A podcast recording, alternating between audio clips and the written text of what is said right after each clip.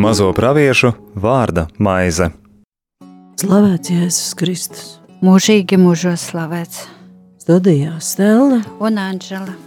Kā šodien turpināsim lasīt Amosa grāmatu, jo iepriekšējā reizē jau notika tikai tāda neliela iepazīšanās, kas viņš pats ir bijis, kāds ir viņa aicinājums un kā viņš to saņem un sapratām, ka nu visi šādi aicinājumi un dažkārt ir šie dieva rīkojumi ļoti paradoxāli un nesaprotami, pamet savu vietu un ej kaut kur un kaut ko sludini. Un ja atceramies to pašu evaņģelistu Mateju, jeb muitnieku, un viņam iznāca no mūsdienu skatījuma vēl e, trakāk jāpamet savus naudas galds, savu muitas būdu un kaut kur jāiet. Bet gan Amos, gan arī jaunā derībā šis cilvēks cēlās un gāja pildīt šo dievu doto uzdevumu. Un vēl mēs sapratām, ka šis gans no tekojas ir redzējis kaut ko parādībā, un viņam dievs ir pavēlējis to sludināt Izrēlā, sludināt, kas notiks ne tikai Izraēlu vai Jūdas zemi, bet arī ap, apkārtējām tautām. Drusciņi pieskārāmies arī tam skaitlim, ka tur ir tie trīs, četri noziegumi, un liekas, it kā, hm, nu, kas tad tur īsti ir. Jo cik eh, pat veselas valstis pastāvēšanas gadsimtos nesastrādā, un valstu vadītāji ar eh, briesmīgām pavēlēm mūža laikā daudz ko sastrādājam mēs paši, ļoti daudz ko sastrādājam visas dzīves garumā. Bet šis 3 un 4 veido 7. Pilnības skaitli, jo septiņās dienās ir bijis pasaules radīšanas cikls, radīšana un atpūta, un tāpēc tas tiek uzskatīt, uzskatīts par tādu pilnu noslēgtu ciklu, un no šiem izteikumiem Amosa grāmatā mēs varam saprast, Dievs atrod tām pagānu tautām, kas ir ap jūdu un Izrēli, gan arī paša jūdas. Izrēļa tautām grēku mērs ir pilns.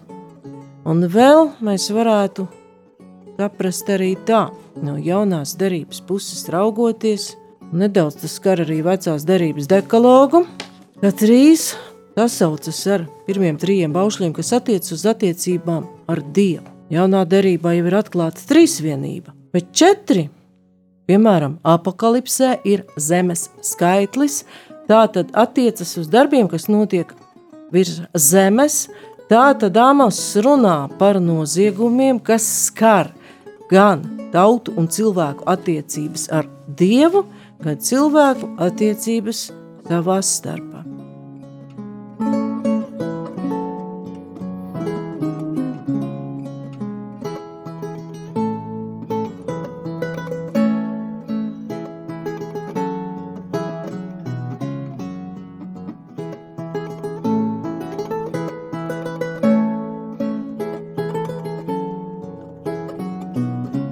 Savu vēstījumu Amos iesāk tādiem bargiem vārdiem. Par to, ka datējums ir un ir visai precīzi, mēs runājām jau iepriekšējos raidījumos, un to es neatkārtošu, ka ir pat norādīts, kuri ķēniņi valda Jūdā un Izrēlā, bet skatīsimies tālāk jau ar pirmās nodaļas otro pantu jo pirmajā un otrajā nodaļā ir tāda spriedumu rinda, kas skar pagānu tautas apkārt Izraēlu un Jūdas karalistēm, un arī pašas Jūdas un Izraēla karalistes. Un pie tam spriedums, kas attiecas uz Izraēlu, ir visai izvērsts ka pat šodien mēs tajā iedziļināties nepaspēsim. Un Amos saka tā, ka tas kungs rūks kā pērkons no Ciānas, un liks atskanēt savai balsī no Jeruzalemes, tā ka zalainās ganībās gani bēdāsies un karmela virsotne izskaltīs. Tad norādījums ir uz draudīgiem apstākļiem. Pērkona rūkšana, pērkons ir saistīts svētajos rakstos ar dieva klātbūtni. Tā ir dieva klātbūtnes zīme. Un te vēl mēs redzam minētu Ciānu, Ciānas kalns un Jeruzalemē. Abi cieši saistīti. Ciāna atrodas Jeruzalemē, un Ciānas kalns vārda nozīme nocietinājums. Ir minēts arī 2. samuēļa 5, 7. Būt pat to atradīsim. 2. samuēla 5. nodaļa, 7. pants. Jābūt minētam Ciānas kalnam. Bet Dāvids iekaroja Ciānas cietoksni, un šī tagad ir Dāvida pilsēta. Tā tad tur ļoti īsā teikumā jau ir minēts ķēniņš Dāvids, un šis cietoksnis tiek parādīts kā tāda kā mūžīgās Dāvida pilsētas, jeb debesu Jeruzalemes priekštecis. Un sākotnēji bijis jebusiešu cietoksnis Jeruzalemē aizsardzībai. Vēlāk, otrā psalmā, sestā pantā, pat ciāns nosaukums attiecināts uz visu Jeruzalemi. Un vēl mēs ciānu redzam arī jaunā derībā. Tur jau tas ir saistīts ar debesīm, debesu Jeruzalemi. Varbūt nāk prātā, kas tur ir un kas tur ko darīja. Atklāsmes grāmatā 14. nodaļā mēs atkal to ciānas kalnu redzam. Tad es redzēju, un raugi jērs stāvēja uz ciānas kalnu, un līdz ar viņu 144 tūkstoši to, kam viņa vārds un viņa tēva vārds bija rakstīts uz viņa pierēm. Un es dzirdēju balsi no debesīm, tā bija kā liela ūdeņu krākšana un kā stipra pērkona rūkšana. Šī balss, ko es dzirdēju, bija kā kad spēlētāji spēlē uz savām cītarām. Tie dziedāja jaunu dziesmu, goda krēsla priekšā un četru dzīvo būtņu un vecaju priekšā, un neviens nevarēja to dziesmu iemācīties. Kā vien tie 144 tūkstoši, kas ir atpirkti no pasaules. Tad arī tur mēs redzam Ciānas kalnu jau tā galīgajā veidolā un saprotam, ka tas jau viss notiek Dieva troņa priekšā. Vēl redzam, ka būs tādi bargi laiki. Zālēnās ganībās gani bēdāsies un karmela virsotni izskaltīs. Tad tas no, norāda uz kādām zīmēm, briesmīgām zīmēm, kas norit dabā, bet liecina par kunga nākšanu. Jo, kā jau iepriekš teicu, Amos arī ir viens no pirmajiem, kas runā par dieva tiesu. Un Joēla 1, 18, 19 mēs varam lasīt. Un tur arī ir runa par dieva sodu, un Joēls raksta, cik drūmi un baigi mauro lopi. Novājējuši ir vērši un govis, jo viņiem nav kur ganīties. Avis izģīngst un panīkst. Tevi, kungs, es piesaucu, jo karstuma svelne ir izdedzinājusi klajumos ganības un uguns aprijusi visus kokus laukā. Arī pirmajā samuēla grāmatā, 25. nodaļā, otrā pantā, mēs varam lasīt pa Karmela kalnu. Maonā bija kāds vīrs, kuram piederēja īpašums Karmelā – Šīs vīrs bija ļoti bagāts. Viņam piederēja 3000 aviju un 1000 skazu. Viņš devās uz karmelu cipt savas avis. Paldies!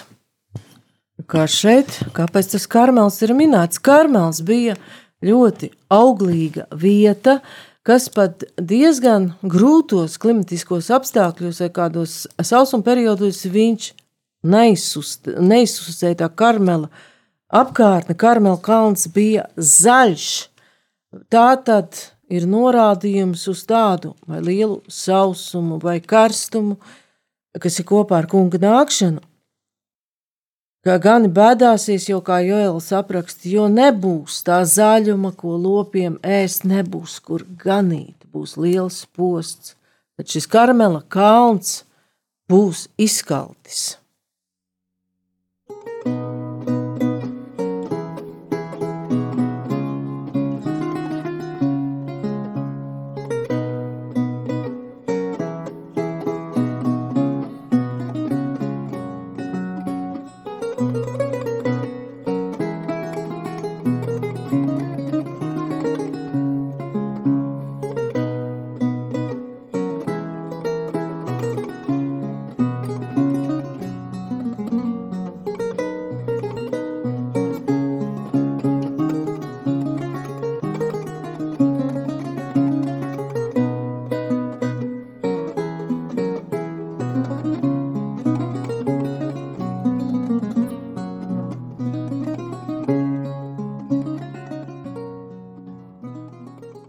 pēc mūzikas pauzes mēs varam pāriet jau pie šiem amosa pasludinājumiem un redzam, ka tur ir vesela rinda pilsētu minētas. Un tā saka tas kungs amos īsāk, tā tad viņš nerunā pats no sevis, un nekur mēs ne, nelasām, ka tā saka amos, tā saka tas kungs, tad kungs ir licis šos vārdus amasa mutē, Viņš neko nevar darīt, viņam tie ir jāizsaka. Triju, vēl vairāk, četru damaskas noziegumu dēļ es negribu viņus saudzēt.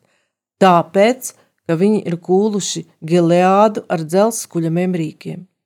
Es metīšu uguni Hazēla namā, tā aprīs Benhadada pilis, es salauzīšu Damaskas vārtu aizšaujamos un iznīcināšu Bikatavens iedzīvotājus un to, kas pašlaik ir tur savās rokās cepteri, bet ēdenā, tā ka, lai sīriešu tauta tika, tiktu aizvesta trimdā uz kīru, saka tas kungs. Un unga vārdi ietver lielu vēstures procesu, kas ir dieva atbilde, un es vēlreiz gribu uzsvērt atbilde sīriešu tautas nodarījumu – Jo nereti mēs ļoti tā mīlam teikt, Dievs sots, Dievs sots, un dažreiz bērni tiek valdīti ar šo Dieva soda jēdzienu, tā iedvešot nepamatotas bailes no Dieva, nevis bijību. Bet Dievs ir, var teikt, ļoti godīgs attiecībā uz cilvēku. Viņš visā pentateuhā ir brīdinājis, viņš ir pateicis savus noteikumus, iedevis savus likumus un brīdinājis, kas būs ja tie tiks pārkāpti.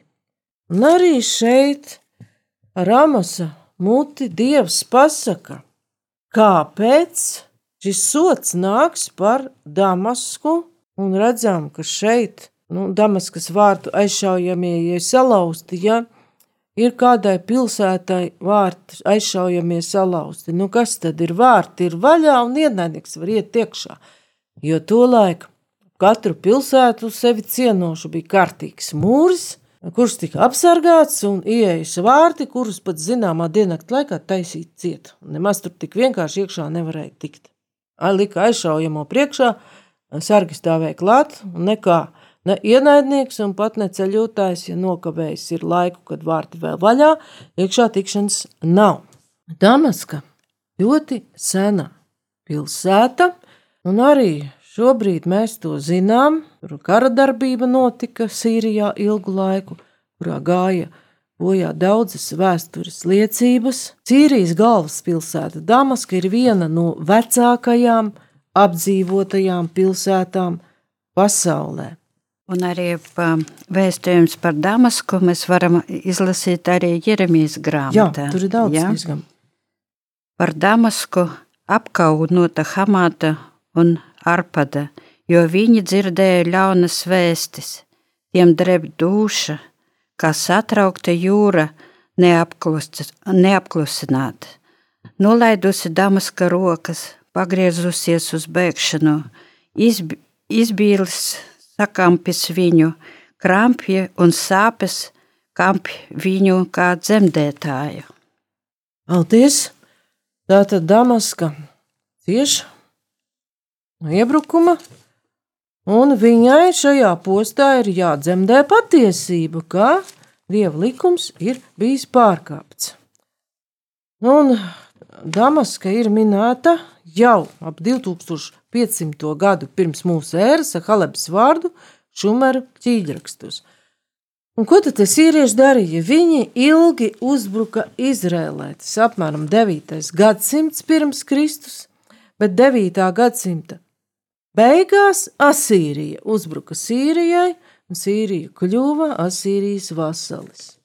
Bet vēlāk arī Asīrijas ķēniņa valsts, kad palika ļoti liela un lepna, nu, arī gāja bojā.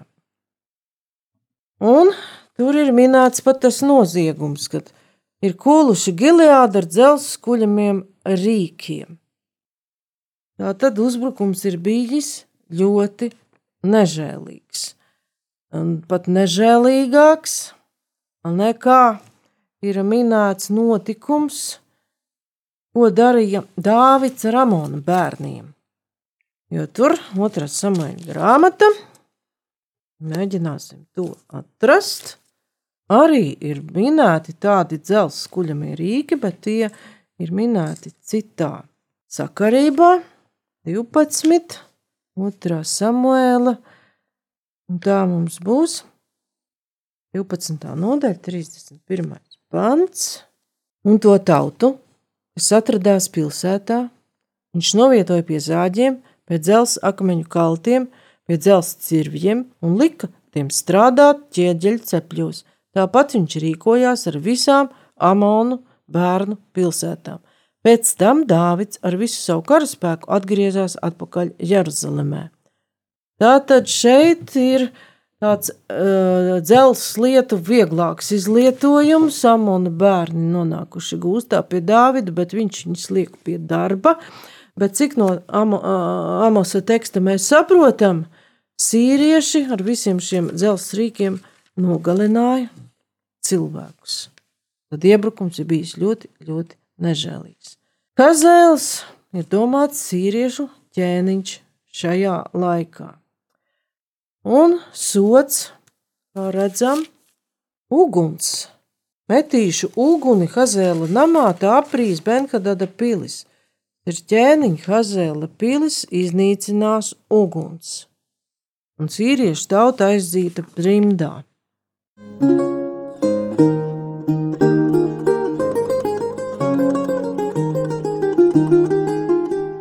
Studijā Stela un Anģela. Vēl kāpēc ir mani te minēti tie bija tavenas iedzīvotāji? Šeit nav tieši minēts, kas viņiem vēl pa grēku, tā tad agresīvu kara darbību un uzbrukumi Izrēlē bija viens, bet šie bija tavenas iedzīvotāji bija arī cītīgi elku pielūdzēji. Un vēl varam saprast, ka šie Damaskas vārtu aizšaujamie neko nelīdz, bet tāda laicīga aizsardzība un nocietinājums pret dieva dusmām neko nelīdz. Un ar šo uguni mēs varam saprast, šo uguni varam saprast pat divējādi.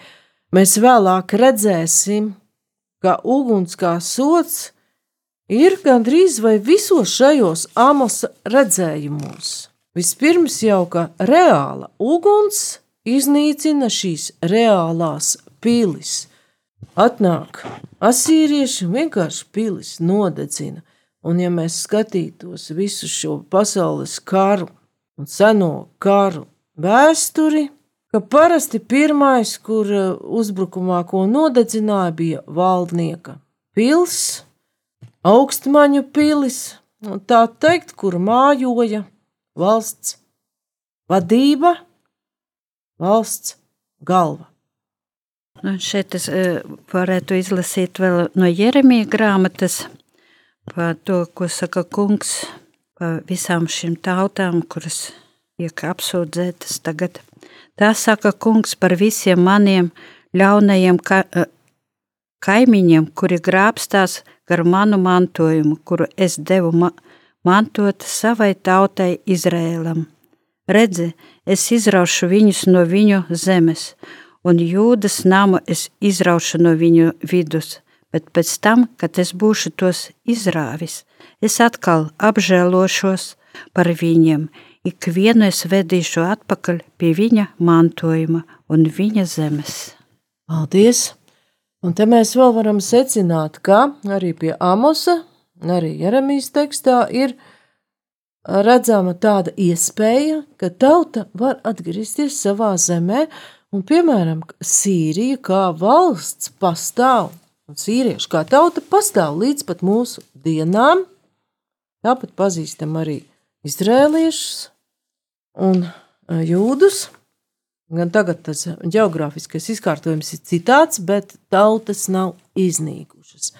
Bet var klāties arī citādi.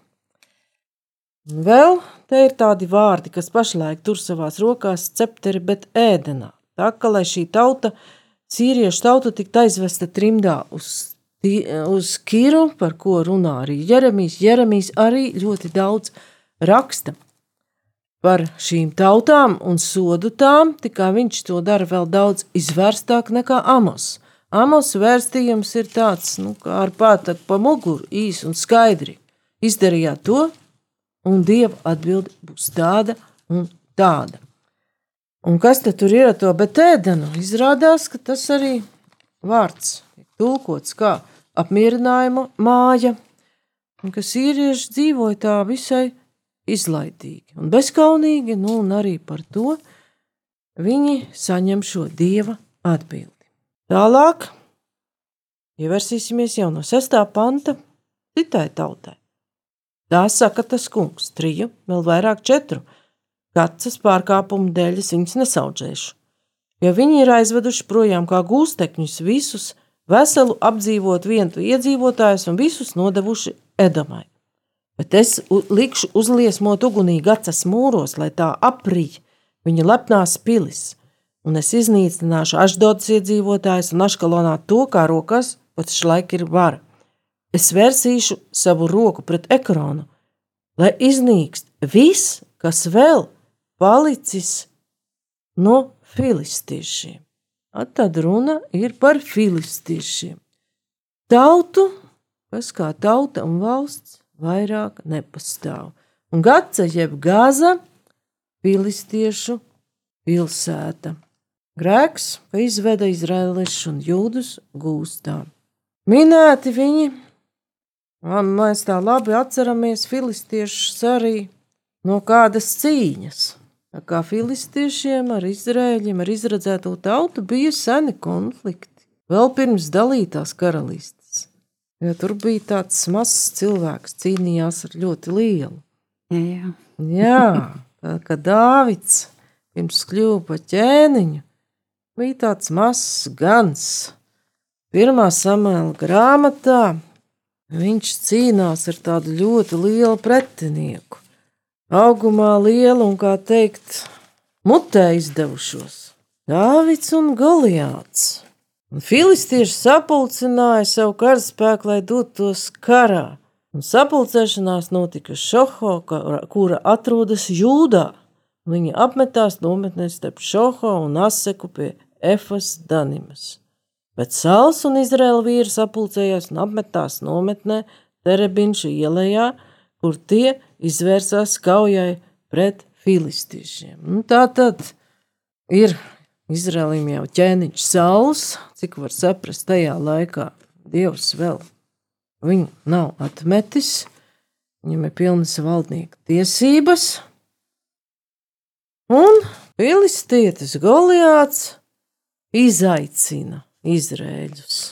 Un filistietis vēl piebilda desmitā pantā: Es šodien izaicinu Izraēlu karapulkus, dodiet man vienu vīru, lai mēs cīnāmies viens ar otru. 11. pantā notiek tāds ļoti nepatīkams moments. Tad kāds sauls un viss Izraels šos filistiešu vārdus dzirdēja, tad tie zaudēja drosmi ļoti izbijās.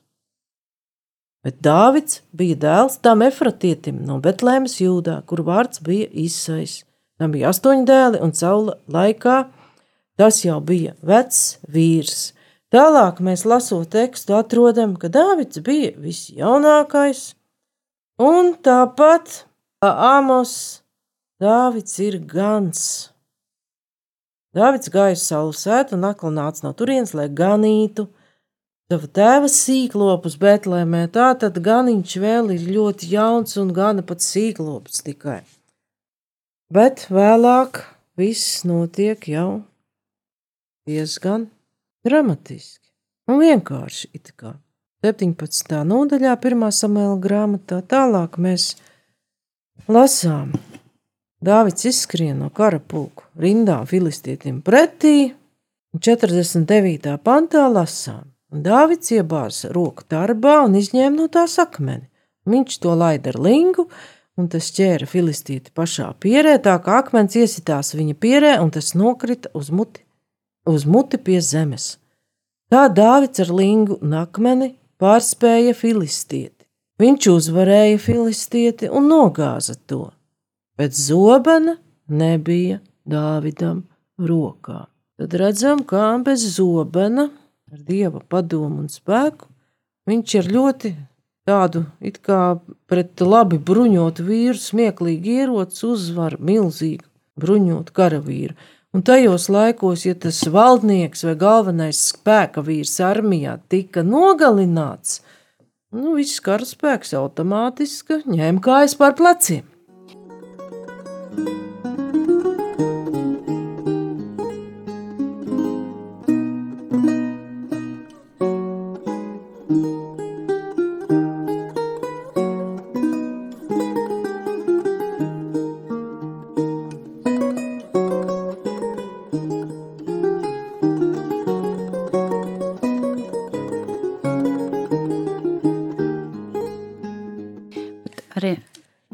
Varbūt mēs varētu vēl atcerēties, kur bija pieminēta gā, pilsēta Gāza. Jā, Gaza, jā. Gaza. Tā ir apstuļu darbos. Un bija tāds lasījums, 8. nodaļā, apstuļu darbos, Filips un Etiopiešu akstmanis. Atceries, jā? Jā, Bet kunga eņģelis uzrunāja Filipu sacīdams: Cēlies un ej uz dienvidiem pa ceļu, kas ved no Jeruzalemes uz Gāzu.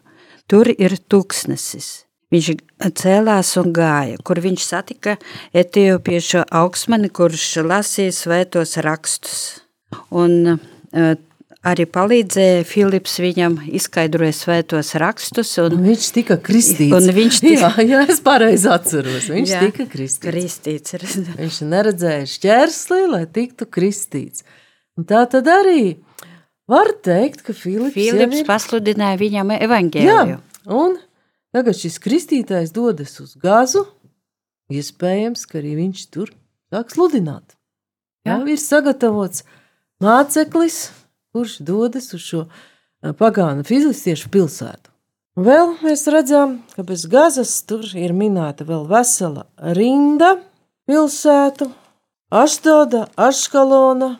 Iznīcināšu to, ka pašlaik rokās ir vara, vērsīšu savu roku pret ekronu, un vārds ir biedinošs, lai iznīkst viss, kas vēl palicis no filistiešiem. Tad redzam, ka tad, kad sludināja Filips, arī tika kristiets, eh, kristīts šis etiopiešu augstmanis, filistiešu pilsētas valsts vēl pastāvēja, bet šodien no šīs tautas jau vairs kā valstiska veidojuma nav nemiņas. Viņi pēcteči, protams, dzīvo jau sajaukušies ar citām tautām, bet kā valsts tā vairs nepastāv. Un arī tur mēs redzam, likšu uzliesmot ugunī gazas mūros, lai tā aprī viņu lepnās pilis. Tā tad Gaza bija galvenā pilsēta, varbūt ne galvaspilsēta, tad ir jāskatās tuvāk pat šī filistiešu valsts vēsture. Acīm redzot, tajā atradās valdnieka augstmaņu mītnes, un atkal ir uguns tieši pilīs, ar ko mēs varam saprast to arī kā dieva varu, kura iznīcina cilvēku veidoto valsts aparātu, sistēmu, uz kuru šīs varenās valstis ir paļāvušās un kam ir uzticējušās. Viņš parāda to, ka šīs varas un valstis nāk un iet, pats dievs un viņa likumi paliek. Bet mūsu laiks ir jau iztecējis, un par to, kas notika ar Tīru pārējām pilsētām, pārī Jūdu un Izrēlu, mēs jau lasīsim nākamajā raidījumā. Paldies par uzmanību! Studijā bija Stela un Anšela. Izskanēja raidījums Mazo praviešu vārda maize.